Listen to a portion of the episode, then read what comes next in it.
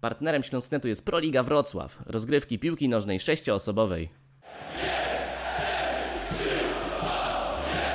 To jest Sektor Śląska. Sektor Śląska.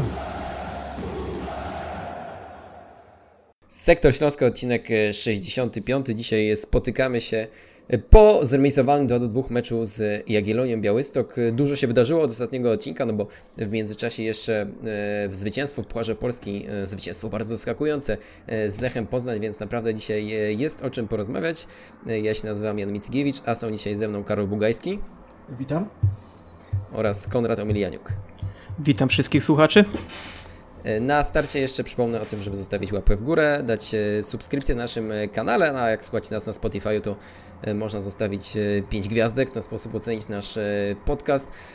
Partnerem Śląsknetu jest Elvibet, no i Przechodzimy już do, do omawiania tego, co się wydarzyło w niedzielę. Śląsk zremisował 2 do 2 po meczu bardzo atrakcyjnym, meczu który naprawdę mógł się podobać. Myślę, że e, mało takich spotkań widzieliśmy w tym sezonie, kiedy można rzeczywiście było po końcowym gwizdku powiedzieć, że, e, że działo się. No i panowie, pierwsze pytanie do Was jest takie, czy e, po takim spotkaniu należy Śląska chwalić za to, że było widać ten pomysł na grę, że Śląsk dominował, że był zdecydowanie zespołem lepszym, czy jednak ganić za to, że nie udało się tego meczu wygrać? No bo wiemy, że sytuacja w tabeli nie jest może jakaś tragiczna, ale, ale trzeba jednak te punkty zbierać i, i takie mecze po prostu wypadałoby wygrywać. Na pewno szkoda braku zwycięstwa, tym bardziej, że była szansa, żeby dwa mecze z rzędu mieć, mieć wygrane. To wiadomo, że Śląskowi w ostatnim czasie się nie zdarzało zbyt często. Po tym udanym meczu w Poznaniu był dobry mecz z Jagiellonią, bo myślę, że, że tak należy do tego podejść i, i to jest pewna, pewna satysfakcja. Zespół trenera Iwana Dziurdziewicza nie jest jeszcze na takim etapie, żeby, żeby wygrywać co, co tydzień czy co trzy dni, więc cieszmy się z takich, z takich małych rzeczy, jak po prostu podtrzymanie niezłej dyspozycji. Wiadomo, że y, pewien niedosyt po tym spotkaniu związany jest też z łatwo traconymi bramkami, z tym, że Jagiellonia oddała dwa celne strzały, wystarczyło jej to do zdobycia dwóch bramek, do zremisowania meczu. Też sposób tracenia tych bramek przez Śląsk, okoliczności, bo i w pierwszej połowie, y, kiedy Śląsk miał ten swój dobry moment, kiedy y, no nic nie wskazywało na to, że może stracić gola, Mark Gual, jego spektakularna akcja i i był problem. Później drugi stracony gol błąd Rafała Leszczyńskiego, o czym też na pomoczowej konferencji mówił trener Dżudżewicz, więc y, niedosyt na pewno jest, y, ale to, że Śląsk po, po dobrym meczu, po bardzo dobrym meczu w Poznaniu y, nie spuścił stonu w taki spektakularny sposób jak po, po Górniku Zabrze w Radomiu, to, to myślę jest zadowalające.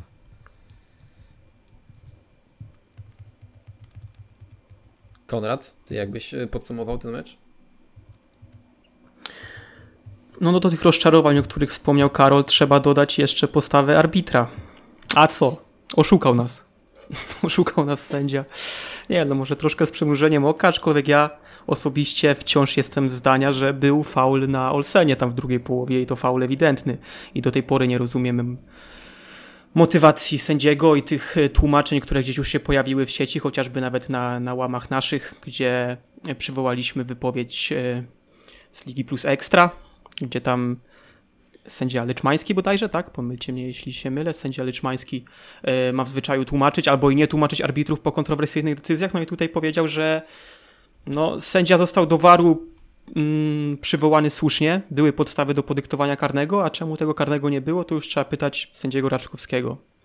No to niestety dzisiaj go z nami nie ma, nie spytamy, no ale no nie wiem. Nie, nie wiem, czemu tak się stało. Z drugiej strony też nie wiem, czy to by uchroniło Śląsk przed stratą punktów, bo to było przy stanie 1-1, więc możemy zakładać, że jakby nawet Śląsk strzelił tego gola z na 2-1, to może później nie nastąpiłaby bramka Samsa Talara, no to już jest takie gdybanie. Mm, ale na pewno jest niedosyt. Raz, że postawa sportowa w końcu była odpowiednia, że Śląsk zagrał chyba, myślę, że mm, nie pomylę się, jak powiem, że najlepszy mecz we Wrocławiu w tym sezonie, jeżeli chodzi o taki najbardziej atrakcyjny pod względem gry. No a nie przekuł tego na punkty. Dwa, całe, dwa strzelne strzały Jagiellonii, jak wspomniał Karol, dwa gole, no i zostajemy z niczym. Plus ten niedosyt spowodowany pracą arbitra, gdzie to już e, nie pierwszy raz, bo na przestrzeni dwóch tygodni, przecież w meczu z Górnikiem Zabrze też była e, niezrozumiała decyzja Szymona Marciniaka.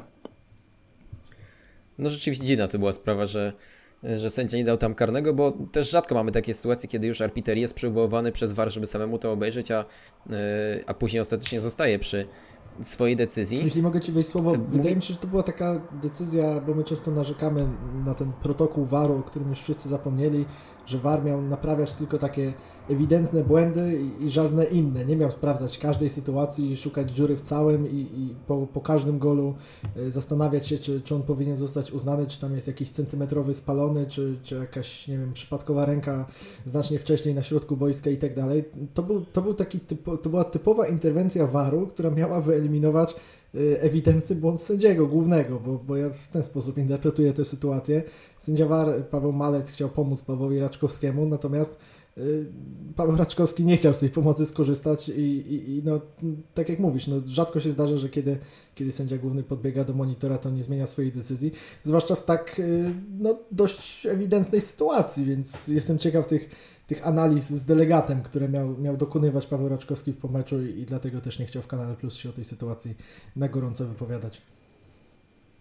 No tym bardziej, że tam trącił piłkę Izrael Puerto, ale później piłka cały czas leciała w stronę bramki, więc Patrick Olsen mógłby spokojnie tę akcję kontynuować, został przewrócony. No, ale dobrze, zostawmy już te, te kontrowersje sędziowskie za nami. Śląsk na pewno ma problem, żeby wygrać e, dwa mecze z rzędu. Mogliby panowie wziąć przykład chociażby z drużyny kobiet, która ostatnio e, naprawdę jest na fali wznoszącej i, i wygrała w weekend e, z Medykiem Konie, jest na, na czwartym miejscu, więc mierzy wysoko drużyna Śląska Wrocław e, kobiet, ale myślę i tak można być zadowolonym z tego, że że Śląsk naprawdę pokazał w tym meczu, że potrafi grać w piłkę i wydaje mi się, że to jest taki pierwszy mecz w tym sezonie, kiedy po meczu bardziej możemy być zadowoleni ze stylu gry niż z wyniku, że rzeczywiście pozostaje niedosyt, bo zazwyczaj to, mm, to albo nie było wyniku, a, a jak był, to yy, no to chociażby jak, jak w tym meczu z, z Górnikiem Zabrze, gdzie Śląsk dominował w podobny sposób, ale, ale wygrał e, wygrał tak zdecydowanie. Tutaj jednak ten mecz zakończył się remisem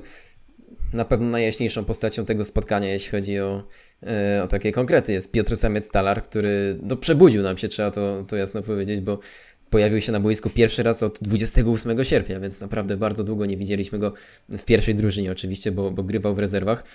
Karol, czy ty uważasz, że Piotr może być jeszcze ważną postacią w zespole Śląska w tym sezonie? No bo pierwsza bramka w Ekstraklasie, także asysta i no i trzeba go pochwalić po tym meczu. No, trzeba go pochwalić. On na pewno sygnalizuje, że cały czas warto o nim pamiętać i, i nie można go skreślać. Trener Dżurdżewicz, który zazwyczaj, no nie wiem, jakoś takie mam odczucia, nie, nie, nie, nie jest taki chętny do indywidualnych ocen na pomeczowej konferencji, raczej mówi ogólnie, jak ten mecz wyglądał, dopiero później dopytywany przez nas, przez, przez Śląsknet, najczęściej na wyjazdach to wyłącznie przez Śląsknet, y, skupia się na poszczególnych zawodnikach. Y, Tutaj o Piotrze Samcu Talarze powiedział w niedzielę sam, podkreślił, że y, nie można było tego zawodnika skreślić po tym słabszym początku sezonu, po tej niewykorzystanej szansie, umówmy się, i pewnie wielu było takich trenerów, którzy, czy byłoby wielu takich trenerów, którzy po tych pierwszych siedmiu meczach w wykonaniu Samca Talara, gdy on za każdym razem wychodził w wyjściowej 11, gdy grał coraz krócej, bo tak patrzę sobie na te jego ostatnie mecze z Widzewem w sierpniu 66 minut, z Lechem 59, z Krakowią 56, z Rakowem 45 i ten mecz z Rakowem był jego ostatnim, a później w barwach rezerw w trakcie tych sześciu spotkań we wrześniu i październiku wcale nie pokazywał się z jakiejś, z jakiejś niesamowitej strony. Pamiętam choćby taki mecz przy Oporowskiej ze Zniczem Pruszków, kiedy on zszedł już w przerwie i był najgorszym zawodnikiem w zespole trenera e, Krzysztofa Wołczka. Zrobił sobie fajny prezent na urodziny, nie na urodziny, prawie na urodziny. 2 listopada ma urodziny, ale 26 października ma czwartą rocznicę debiutu w Ekstraklasie. Piotr Samiec Talar, więc e, wtedy jako 16-latek dostał szansę od trenera Tadeusza Pawłowskiego w meczu z Miedzią. Od trenera Iwana Dziurdziewicza dostał szansę w meczu z Jagiellonią. Strzelił gola, miał też asystę, o tym warto pamiętać, bo naprawdę jeśli wracać do wyjściowego składu, no to, no to w taki sposób i przypominać się kibicom, bo, bo gdyby to znowu była niewykorzystana szansa Samca Talara, no to, to nie wiem, czy, czy, czy trener Dziurdziewicz chciałby go, go rzucać po raz trzeci do, do, do, do tej ekstraklasy. Też fajna staty- statystyka przywołana przez ciebie. W takim razie chyba wszyscy kibice Śląska muszą się uzbroić w cierpliwość i pamiętać, że wychowanek Śląska zdobywa bramkę w Ekstraklasie gdzieś tak 4 lata od, od debiutu. Warto być cierpliwym. To chyba jest taki wniosek. Tak. Tak, stąd, stąd pewnie też słowa tenera Dziurdziewicza, żeby nie skreślać. Dać te minimum 4 lata, niech strzeli pierwszą bramkę i zobaczymy, Czym co są dwa dalej. miesiące bez gry w ekstraklasie wobec tych czterech lat? Także, ale chyba Sebastian Berger już te 4 lata już chyba minęły. Też trzeba, musi, musisz mu to też podliczyć. A może, może nie, ale wydaje mi się, że on debiutował już dość dawno w Ekstraklasie, także tutaj troszkę się wymyka tym prawidłom. No jak trafił Piotr Samiestara, to może niedługo i, i Sebastian Bergier znajdzie drogę do bramki, kto wie. Myślę, że nawet może bardziej imponujący niż ten gol to, to była taka ta asysta, bo rzeczywiście no, bramka to nie było trudne zdanie trafić do bramki z tych dwóch metrów. E, a, a przy asyście naprawdę kapitalnie znalazł się na zamknięciu akcji. Minął rywala, dograł świetnie do Petra Szwarca, więc no takie y, przypomniał sobie zdecydowanie Piotr Samiec-Stalar. Y, przypomniał y, o sobie kibicom. No bo już, już trochę mogliśmy o nim zapomnieć. To było dość. To, że, to, że nie pojawił się nawet ani na minutę w tych ośmiu meczach, kiedy siedział za każdym razem na opcji rezerwowych, to, to pokazywało, że, że chyba ten start sezonu był dość, dość mocną negatywną weryfikacją dla niego. No ale, ale wrócił do składu i yy, kto wie, być może w nim zostanie, bo, no bo na pewno po takim meczu, kiedy wreszcie już yy, trafił do siatki, kiedy wreszcie zaliczył asystę, to, to Iwan Dziurdziewicz może zacząć na niego stawiać.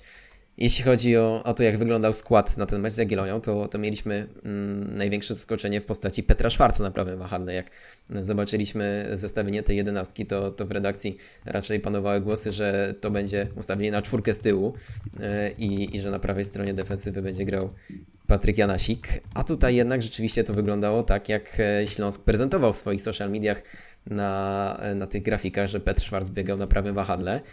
No i chyba trzeba sprawdzić, że sprawdził się e, na tej pozycji bardzo dobrze, no bo zdobył gola.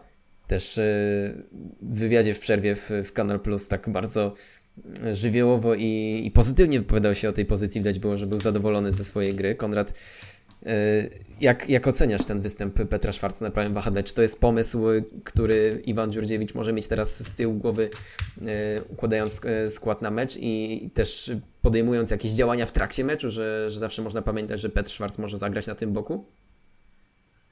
No Petr Schwarz na pewno potwierdził, że jest zawodnikiem uniwersalnym, bo już w Rakowie grał jako środkowy obrońca, nominalnie środkowym pomocnikiem, teraz pokazał, że jest w stanie też y, z sukcesami w postaci nawet bramek grać na prawym wahadle. No jakby tą jego wersję widzieliśmy już y, w meczu pucharowym z Lechem pod koniec, tam z konieczności został cofnięty i świetnie sobie radził. Myślę, że nawet lepiej grał w tym meczu pucharowym Y, pod względem pracy w defensywie, aniżeli teraz w tym meczu ligowym, no bo jednak bramka na 2-2 troszkę chyba jednak obciąża jego konto. On tam razem z Wiktorem Garcją złamali linię spalonego przy tym podaniu y, długim do napastnika Jagiellonii. No i znaczy wiadomo, według mnie główna wina idzie do Leszczyńskiego, który gdzieś tam się kompletnie zagubił na przedpolu. No ale jednak poszło to stroną Szwarca i to był zawodnik, yy, zawodnik, który zdobył gola, to był, był zawodnikiem, którego miał kryć Schwarz, więc tutaj troszkę to jakby jego ocenę obniża, ale generalnie uważam, że tak, na plus występ, ale czy w dłuższej perspektywie chciałbym oglądać Schwarza na prawym wahadle? Myślę, że on jednak jako środkowy pomocnik bardzo dużo nam daje. I tutaj trochę, tu w ogóle się dużo zamieszało, bo teraz jego miejsce przejmuje Nawel Lejwa, który przecież przychodził jako lewoskrzydłowy. Nagle się okazuje, że to nie jest lewoskrzydłowy, że to jest środkowy pomocnik i tam najlepiej można jego atuty wykorzystać. I też to jest trochę pokłosie tego, że Schwarz nagle ląduje na prawej stronie wahadła i rozważamy jego obecność tam na dłuższy, na dłuższy okres. Więc y, na pewno występ poprawny, czy świetny? Myślę, że nie, bo jednak gol troszkę go obciąża jego konto, ale no potwierdził, że jest zawodnikiem uniwersalnym. Myślę, że takim nawet nowoczesnym, bo wiemy, że futbol idzie w tym kierunku. Właśnie wspomniałeś o tych e, publikowanych składach na social mediach, o tych e, jakichś ustawieniach wyjściowych na grafikach, że często to jest coś tylko umownego, a tak naprawdę na boisku te ustawienie potem się rotuje 3, 4, 5 razy, jeżeli drużyna jest już zaawansowana taktycznie. No i wtedy taki zawodnik jak Petr Schwarz jest nieoceniony rzeczywiście daje to duże pole manewru Iwanowi Dziurdziewiczowi i, i tak jak mówiłeś, no, grywał w Rakowie jako środkowy obrońca, w Śląsku był przede wszystkim środkowym pomocnikiem, a teraz się okazuje, że, e, że na wahadle też jest e, w stanie zagrać, co, co na pewno pokazuje, jak jest to zawodnik e, wszechstronny. Po meczu w Radomiu przede wszystkim można było dyskutować o, najsłabszym meczu chyba w ogóle w barwach Śląska Patryka Olsena, który niejako E, no był, był winowajcą różnych złych rzeczy, które się wydarzyły dla Śląska w tym meczu, bo, bo i ta czerwona kartka Łukasza Bejgera e, i także bramka stracona po stałym fragmencie gry, można było za nią winieć Patryka Olsena. Dwa mecze później Olsen cały czas gra jako kapitan i, i myślę, że można śmiało powiedzieć, że, że zrehabilitował się za te błędy w Radomiu, bo, bo wydaje mi się, że w starciu z Jagiellonią Patryk Olsen był naprawdę kluczową postacią w zespole Śląska. E, jeśli chodzi już o, o udział przy bramkach, to dośrodkowanie e, przy golu na 2-1 jego autorstwa. Karol, czy ty uważasz, że, że Patryk Olsen naprawdę pokazuje tym, że, że zasługuje na tą opaskę kapitańską i, e, i że ten mecz w Radomiu to był wypadek przy pracy? No, ten mecz w Radomiu to trochę jak jakaś klątwa tej kapitańskiej opaski, bo póki był Michał Szrownik, to mylił się Michał Szrownik, tylko przejął ją Patryk Olsen, zagrał jeden dobry mecz z Górnikiem no i przeciwko, przeciwko Radomiakowi już zachował się nie jak kapitan, nie jak pan piłkarz, jak zwykliśmy mówić o o Duńczyku wcześniej, tylko jak Szymon Lewkot w wielu meczach poprzedniego sezonu. Dobrze, że on wraca do równowagi. Ten Patrick Olsen jest trochę jak cały Śląsk, czyli bohatersko rehabilituje się za, za błędy, które wcześniej zupełnie niepotrzebnie popełnia i za słabsze mecze meczami lepszymi. Można by to było jakoś wyrównać, natomiast Olsena w formie z pewnością Śląsk potrzebuje, bo to jest zawodnik o dużym doświadczeniu, zawodnik, który odpowiednio to tempo gry reguluje wielokrotnie, to podkreślaliśmy, pamiętam jeszcze wiele naszych podcastów wiosną, kiedy Śląsk pod wodzą Piotra Tworka się kompromitował najczęściej. Tam Patryk Olsen był zawodnikiem, na którego patrzyło się z przyjemnością, zawodnika, którego często wybieraliśmy plusem meczu, o którym mówiliśmy, że że stanowi dla Śląska taką polisę na przyszłość i nie wiadomo skąd on się wziął. On w ogóle nie pasował do tego Śląska walczącego o utrzymanie. Wtedy trafił, trafił w jakimś takim dziwnym momencie w zimowym okienku tuż przed zwolnieniem trenera Magiery. Niewątpliwie, jeżeli Patrick Olsen będzie utrzymywał ten swój wysoki poziom, nie będzie robił takich rzeczy mało odpowiedzialnych, chociaż może dobrych dla drużyny, jak, jak w Radomiu, dobrych dla drużyny, bo trener Dżurdżewicz, słyszeliśmy na przedmeczowej konferencji w piątek, no nie wiem, docenił jego zachowanie, mówiąc, że, że dzięki temu mógł wyrazić wsparcie dla Łukasza Begera, pocieszyć go, co, co dla trenera Śląska jest, jest sygnałem, jak dobre relacje panują w drużynie, więc, więc może to zachowanie Olsena w Radomiu było potrzebne, ale, ale mówiąc zupełnie poważnie, jeśli on będzie na takim poziomie, do jakiego przyzwyczaił, na, na takim poziomie, jaki dał mu też opaskę kapitańską, no bo pewne cechy charakterologicznej pokazywanej w szatni na, na Murawie miały na pewno na to, na to wpływ, no to, no to Śląsk będzie zespołem lepszym, tak po prostu. Ja jeszcze bym dodał, jak już było wspomniane od meczu w Radomiu, tym nieszczęsnym, bo byłem tam, stety, niestety, więc w formie terapii też dajcie mi się wygadać o tym Radomiu. E, tam była taka sytuacja, że po meczu czekałem przy autokarze właśnie na piłkarzy, żeby zebrać jakieś jeszcze opinie, wypowiedzi pomeczowe. E, no i właśnie wiadomo, jak to piłkarze Śląska przy, po przegranym meczu jest czasem ciężko. I właśnie szedł Olsen i już widzę, że rozmawia przez telefon, także myślę, o pewnie klasyk, przejdzie, nie mogę go zaczepić, bo rozmawia przez telefon i, i tyle będzie z rozmowy, ale gdzieś nawiązaliśmy kontakt wzrokowy i on to nawet rozmowę przerwał, powiedział, żebym chwilę poczekał, że porozmawia ze mną. I no i to już jest jeden plus, że generalnie jako kapitan chętnie zawsze jest do wypowiedzi nawet po swoim fatalnym meczu, jaki rozegrał w Radomiu. A druga rzecz jest taka, że powiedział mi tam, że on jak najbardziej wierzy w zwycięstwo w Poznaniu to też brzmiało troszkę taka czcza danina. Się okazało, że faktycznie za tą wiarą poszły też fakty, czyny boiskowe, więc tu mnie nie okłamał. I dwa, powiedział, że wierzy też w tą drużynę, w ten proces, który, z którego trochę się podśmiechujemy, ale że on widzi na treningu progres tej drużyny i jest pewien, że to kwestia czasu, aż ta drużyna zagra dwa, potem trzy dobre mecze z rzędu. No i myślę, że te dwa dobre już, już były. No może nie było wyniku, ale po raz pierwszy w tym sezonie po meczu z Lechem Dobrym nastąpił też całkiem niezły teraz z Jagielonią, więc e, no z mojej strony cieszę się, że się nie zawiodł na kapitanie Śląska i że e, jego postawa pozaboiskowa też e, zasługuje na, na pochwały. Mówiąc o zawodnikach, którzy w przeszłości otarli się o poważny futbol, no to jest też taki piłkarz jak Kai Quintana, który w tym meczu dostał całkiem sporo minut od Iwana Dziurdziewicza, bo zameldował się w 68 minucie na boisku. E, no i on, można było powiedzieć, że był w podobnej sytuacji jak Piotr Samiec-Talar, bo rozpoczęli obaj panowie mecz, e, przepraszam, sezon w podstawowym składzie, później szybko z niego wypadli. E, no i ugrzęzli na tej ławce rezerwowych. Teraz Samiec-Talar wydaje się, że może zachować to miejsce w pierwszym składzie po, po bardzo dobrym występie z Jagiellonią, no a Kai Quintana jednak cały czas zawodzi. Miał jedną świetną sytuację na to, żeby zdobyć gola na 3 do 2, kiedy dostał idealną rzutkę od Denisa Jastrzębskiego, ale no prawda jest taka, że ani Jastrzębski, ani Quintana nic specjalnego z ławki nie wnieśli na boisko. I to jest chyba jednak duży problem, że Śląsk y, ten skład ma, ma bardzo wąski i wydaje mi się, że gdyby e, ławka rezerwowa była szersza, gdyby Iwan Dziurdziewicz miał większe pole manewru, to jednak w tej końcówce Śląsk mógłby bardziej zdecydowanie o to zwycięstwo powalczyć. Konrad, zgodzisz się z tym, że to jest e, no jednak trochę zawód, że, że tacy zawodnicy jak Quintana i, i Jastrzębski, no czyli no piłkarze, którzy w przyszłości jeden grał w Bundeslidze, a, a drugi w, w lidze hiszpańskiej, no wchodzą z ławki i tak naprawdę nic dobrego nie wnoszą? Znaczy tutaj takie dyskusje są zawsze delikatne o tyle, że tak jak powiedziałeś, było to dośrodkowanie Jastrzębskiego, więc on coś tam pozytywnego zrobił. Nawet nie coś tam, bo to było bardzo dobre dośrodkowanie. Gdyby Kaje Quintana był faktycznie napastnikiem z krwi i kości, to by strzałem głową skierował tą piłkę do bramki i byśmy w tym momencie mówili, że rezerwowi zapewnili Śląskowi trzy punkty, bo to byłby strzał na 3-2. E, więc Jastrzębskiego może po tym meczu aż tak nie ganił, bo on jednak dał ten pozytyw w postaci no, jednego dobrego dośrodkowania, no, ale czasem tyle wystarczy, jak wchodzisz na 20 czy tam 15 minut. No, tymczasem Quintana no, fatalnie się zachował w tym polu kary, no, to było bardzo dobre dośrodkowanie i napastnik powinien to skończyć minimum strzałem w e, światło bramki. No dwa, porównując go do samca Talara, bo to faktycznie samo się nasuwa. Tak jak powiedziałeś, e, zaczęli sezon jako zawodnicy pierwszego składu, no teraz przychodzi dla nich weryfikacja i samiec Talar o dziwo przyszedł ją pozytywnie, no bo bramka i asysta, Quintana no dalej zero po stronie liczb.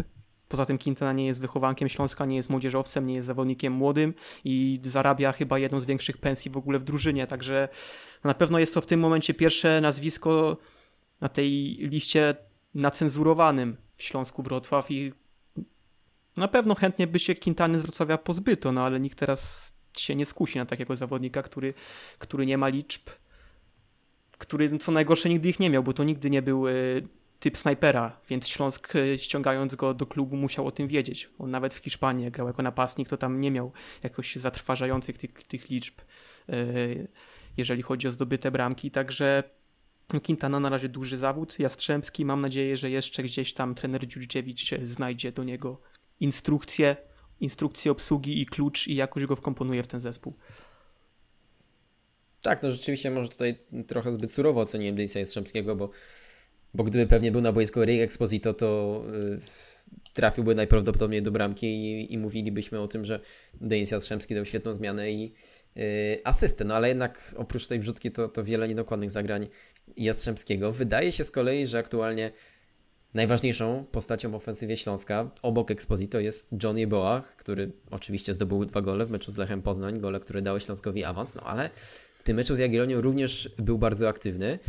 E, dużo dryblował, e, szczególnie w, w, pierwszej połowie, na początku meczu, kiedy Śląsk tak mocno dominował, to, to większość akcji szła e, przez Jeboacha. Karol, zgodzisz się z tym, że, że Jeboach to jest taka postać, która absolutnie teraz jest kluczowa dla, dla gry Śląska Wrocław i, i bez niego nie byłoby tego jednak przyjemnego dla oka ofensywnego stylu z ostatnich z ostatnich meczów, no może, może nie ofensywnego stylu z meczu z Lechem Poznań, no ale, ale tej skuteczności i, i fajnej gry w meczu z Jagiellonią? Tak, no ja myślę, że Jeboach był drugim najlepszym zawodnikiem Śląska w niedzielę po, po samcu talarze, bo e, praktycznie każda co, co ciekawsza akcja Śląska przechodziła przez niego.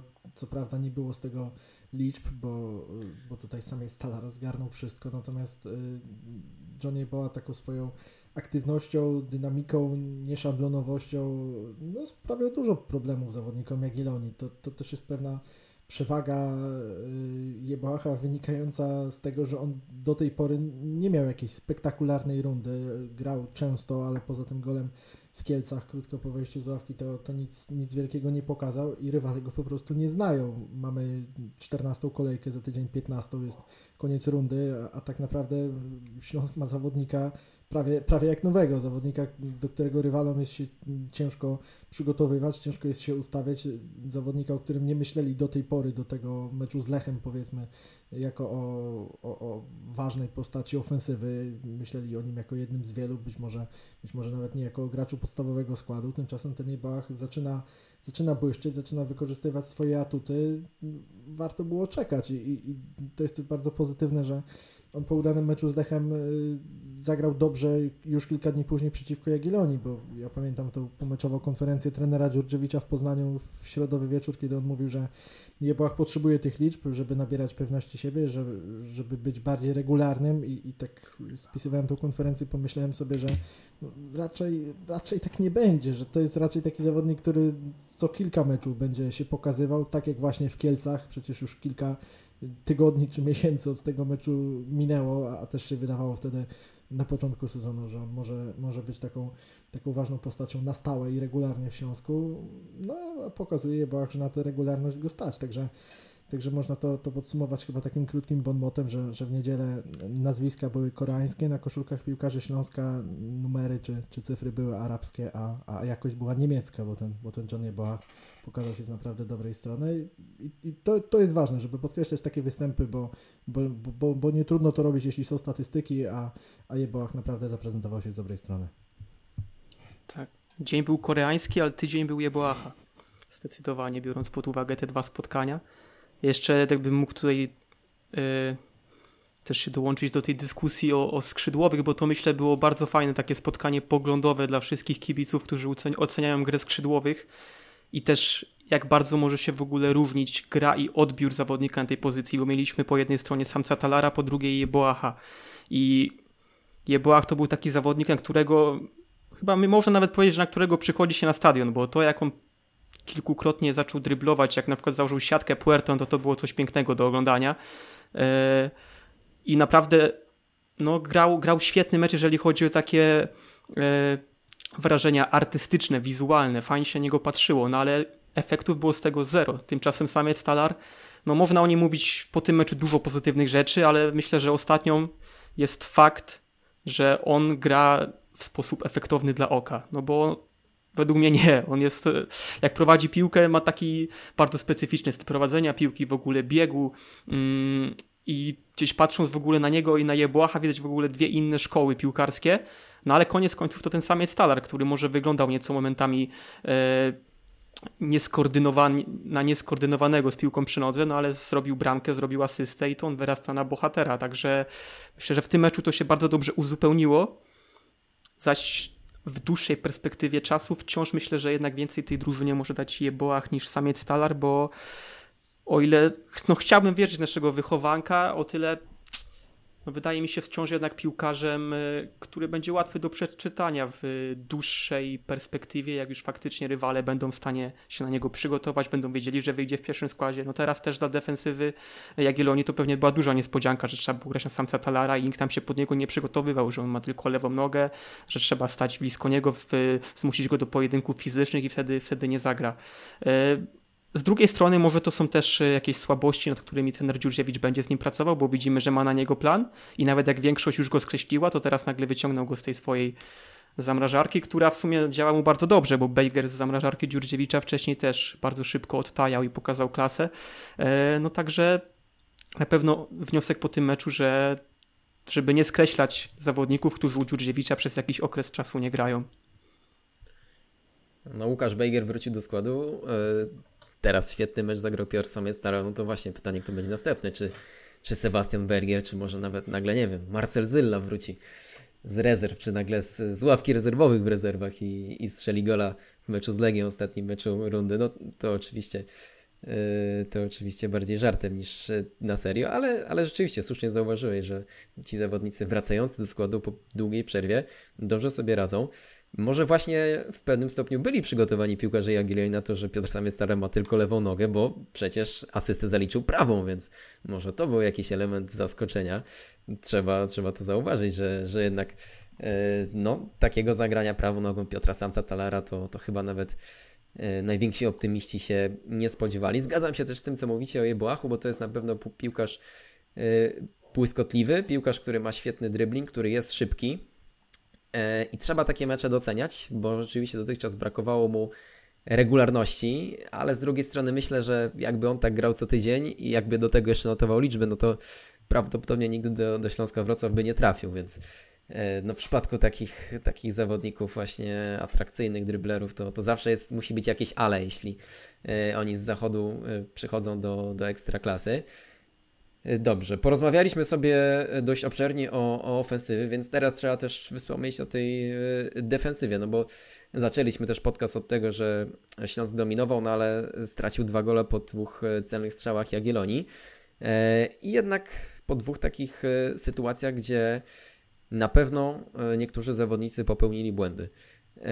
Jak byście panowie podsumowali tę grę defensywną Śląska, bo no wiadomo, przy pierwszym golu to to jest y, no, błąd kilku zawodników, bo najpierw niedokładne podanie, później Nauel dał się przepchnąć, później Konrad Poprawa dał się, e, dał się bardzo łatwo e, okiwać Gualowi. Czy to jest trochę tak, że kosztem tego atrakcyjnego stylu e, jakby została, został przeciągnięty balans w drugą stronę i, i Śląsk przez to trochę, trochę stracił na defensywie? No dobrze, ten balans jest którąkolwiek stronę, bo, był taki, bo ta runda tak się układa dość nierówno. Na początku e, było ukierunkowanie na defensywę, bo Śląsk w pierwszych pięciu meczach trzy razy zachował czyste konto, później nie wiadomo, ani na defensywę, ani na ofensywę. Teraz trochę bardziej na ofensywę, tak, tak ten Śląsk miał mieć sezon przejściowy i, i, miał grać w kratkę i to trener Dżurdziewicz od samego początku zapowiadał, nie ukrywał i tak dalej i to się potwierdza i w jego bilansie, i w jego formie, i w jego wynikach, i, i w tych wszystkich poszczególnych statystykach, o których rozmawiamy. Dla mnie to jest zaskoczenie, że Śląsk się tak pogorszył w defensywie, bo wiązałem dużo oczekiwania z przyjściem trenera Dziurdziewicza, który grał jako obrońca, obrońca solidny, mistrz Polski z Lechem Poznań, europejskie puchary i tak dalej, też dobre, dobrą naukę y, miał od kogo pobierać y, właśnie jako zawodnik. No i te, te trzy czyste konta w pierwszych pięciu meczach, o których wspomniałem, cztery stracone gole w pierwszych pięciu meczach, z czego trzy tylko w meczu z Koroną, no to był taki zwiastun, że, że można naprawić tą defensywę Śląska, która, która bardzo mocno cierpiała wiosną i tych bramek traciła mnóstwo. Y, od meczu z Lechem w Poznaniu Śląsk za każdym razem w Ekstraklasie traci przynajmniej jednego gola. To jest seria dziewięciu meczów z rzędu ze straconą bramką. Nie wiem, no nie zanosi się moim zdaniem, żeby Śląsk miał zachować już taką tezę postawy jakiekolwiek czyste konto do końca tego roku, bo wyjazdy do Płocka i do Legnicy meczu siebie z Legią, wydaje mi się, że to raczej znowu będą, będą tracone gole i szkoda tego meczu z Jagiellonią, bo bo, bo mam takie poczucie, że to była największa szansa na czyste konto spośród tych wszystkich y, wcześniejszych spotkań. Oczywiście z Radomiakiem gole tracone dopiero w 90 minucie, ale y, no, ciężko było zachować to czyste konto nawet przez, przez tych kilka minut czasu doliczonego grając w ósemkę, wydaje mi się, a, a w meczu z Jagiellonią dwa celne strzały Jagiellonii, o czym już mówiliśmy, y, gole tracone w sytuacjach prostych, nieoczywistych, które można było spokojnie się ustrzec, lepsze ustawienie E, Leszczyńskiego przy drugim golu, przy pierwszym, tak jak Janku mówiłeś, błąd kilku zawodników, tak naprawdę gol stracony przez całą defensywę. E, no, będzie miał nad czym pracować trener Dżurdżewicz, któremu też co jakiś czas zdarzają się takie, takie zdania w stylu e, dobrze, że ten progres nie jest tak szybko, bo ja jako trener nawet bym tego nie chciał, przynajmniej jest nad czym pracować, no to, no to ta praca będzie trwała. Zobaczymy, czy może od początku nowego roku Śląsk będzie wyglądał trochę, trochę stabilniej, bo tu chodzi o tą stabilność głównie w defensywie, żeby albo nie strzelać sobie goli samemu, jak, jak, jak w Mielcu, czy, czy, czy, czy z Wartą Poznań, czy nawet przy tym pierwszym golu w niedzielę, wydaje mi się, że można powiedzieć o tej bramce, że Śląsk strzelił sobie sam. Y, błędy indywidualne, coś, co się też, też powtarza przez całą tą rundę, no i szkoda po prostu, bo, bo, bo to później się w bardzo, bardzo jaskrawy sposób przekłada na, na tracone punkty.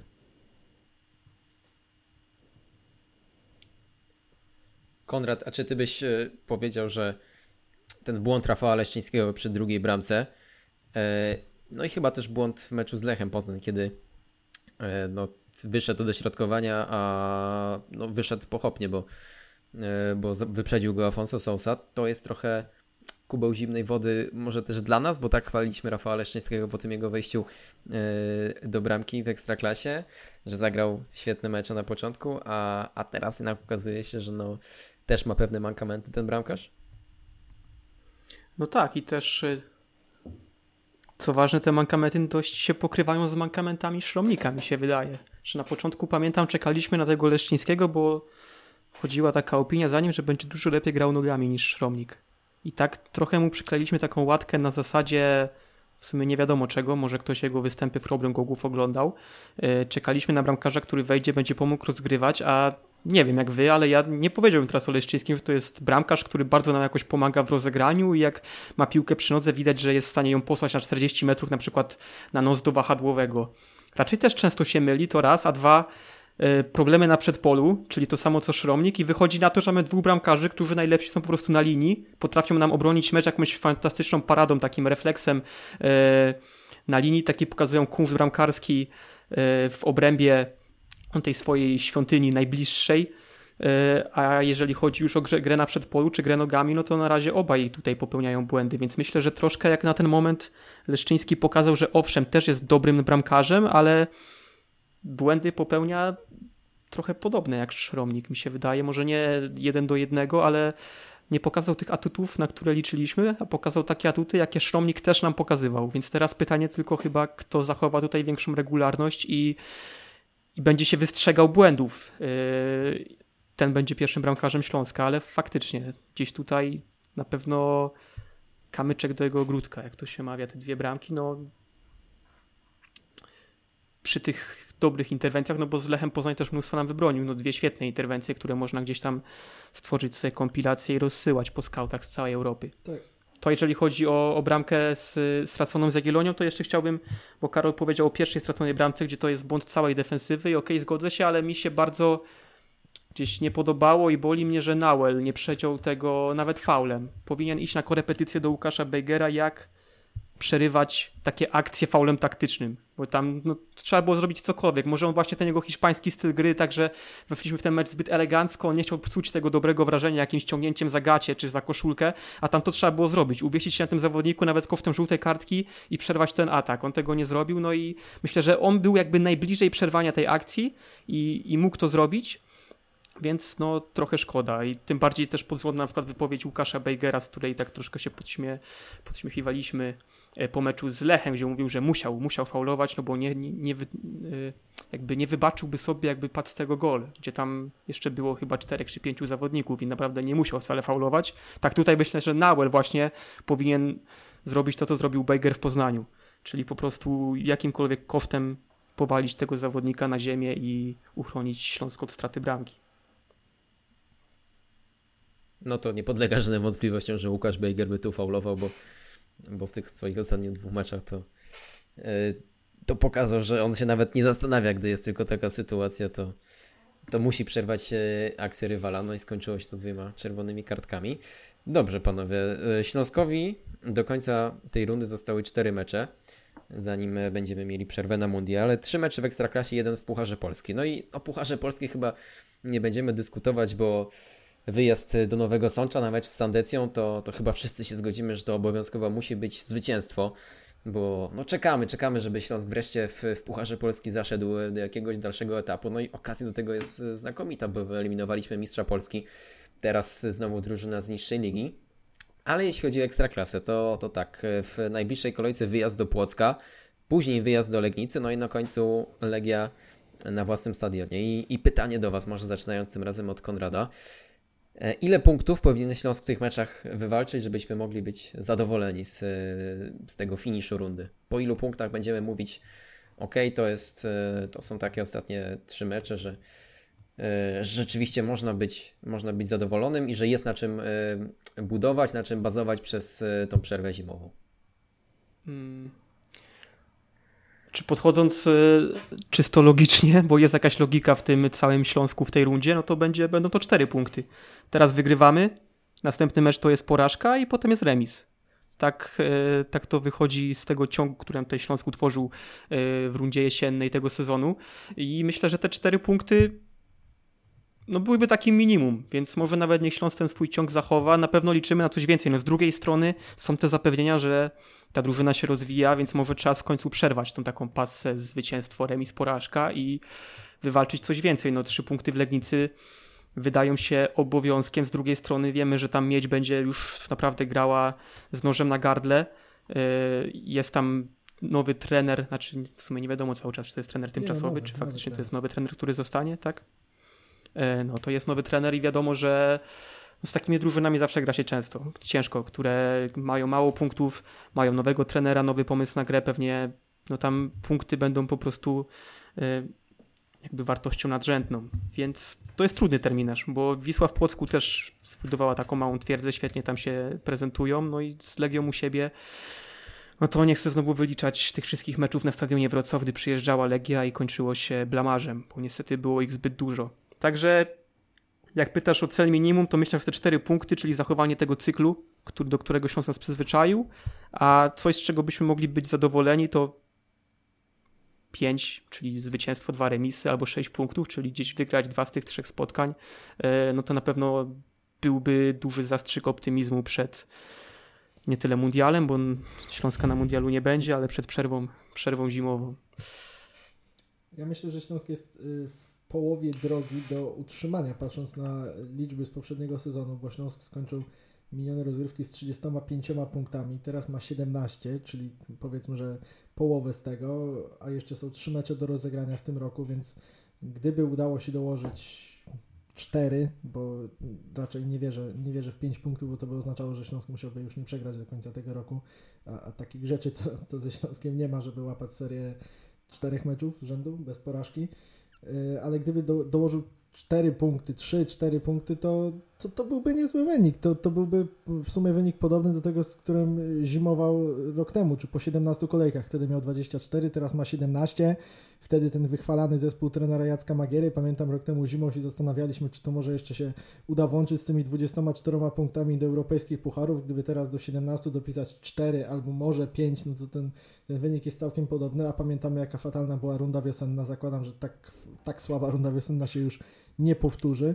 Więc Śląsk, którego celem jest utrzymanie, utrzymanie i nic więcej, utrzymanie spokojniejsze niż w poprzednim sezonie, jest po prostu do tego na, na dobrej drodze. Uważam, że w Polsku Śląsk może wygrać tak na zasadzie tej swojej nieprzewidywalności, tak jak w poprzednim sezonie pod wodzą Piotra Tworka odniósł tam, tam jedyne zwycięstwo po gólu Fabiana Piaseckiego w doliczonym czasie z Wisłą, która, nie wiem, to była jej pierwsza czy druga porażka w sezonie w ogóle na własnym boisku. Zwycięstwo wymykające się logice, ale, ale to się udało zrobić. Mecz w Legnicy uważam, że dla Śląska to jest mecz pułapka, typowy mecz w niedzielę o 12.30, w którym wszystko, co może pójść nie tak, to, to pójdzie i Śląsk w Legnicy z Miedzią przegra.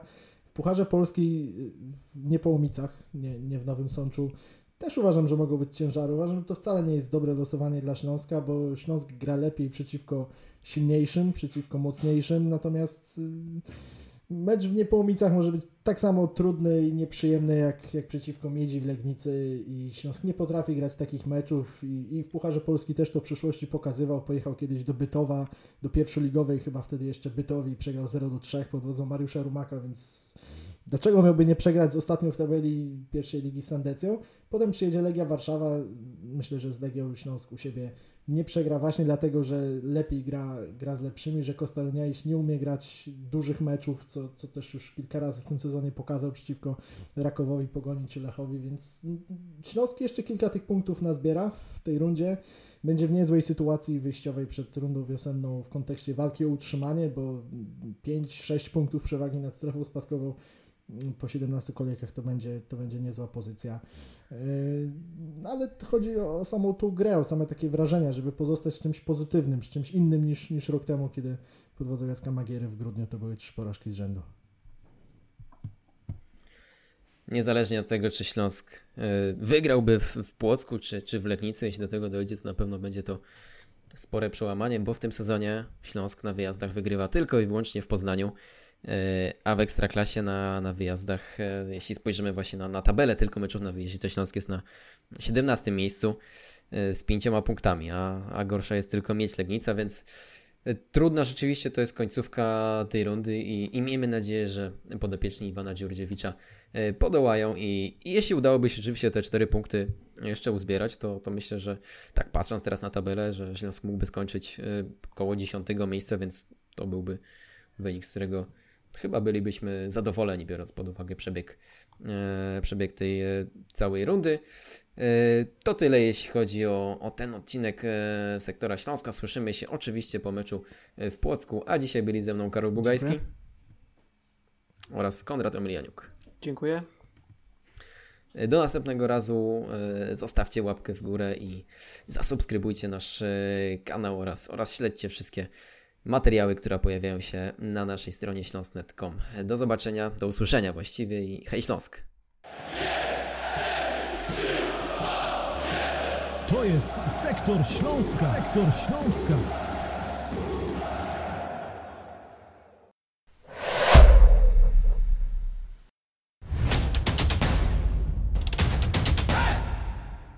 Partnerem Śląsknetu jest Proliga Wrocław, rozgrywki piłki nożnej sześcioosobowej.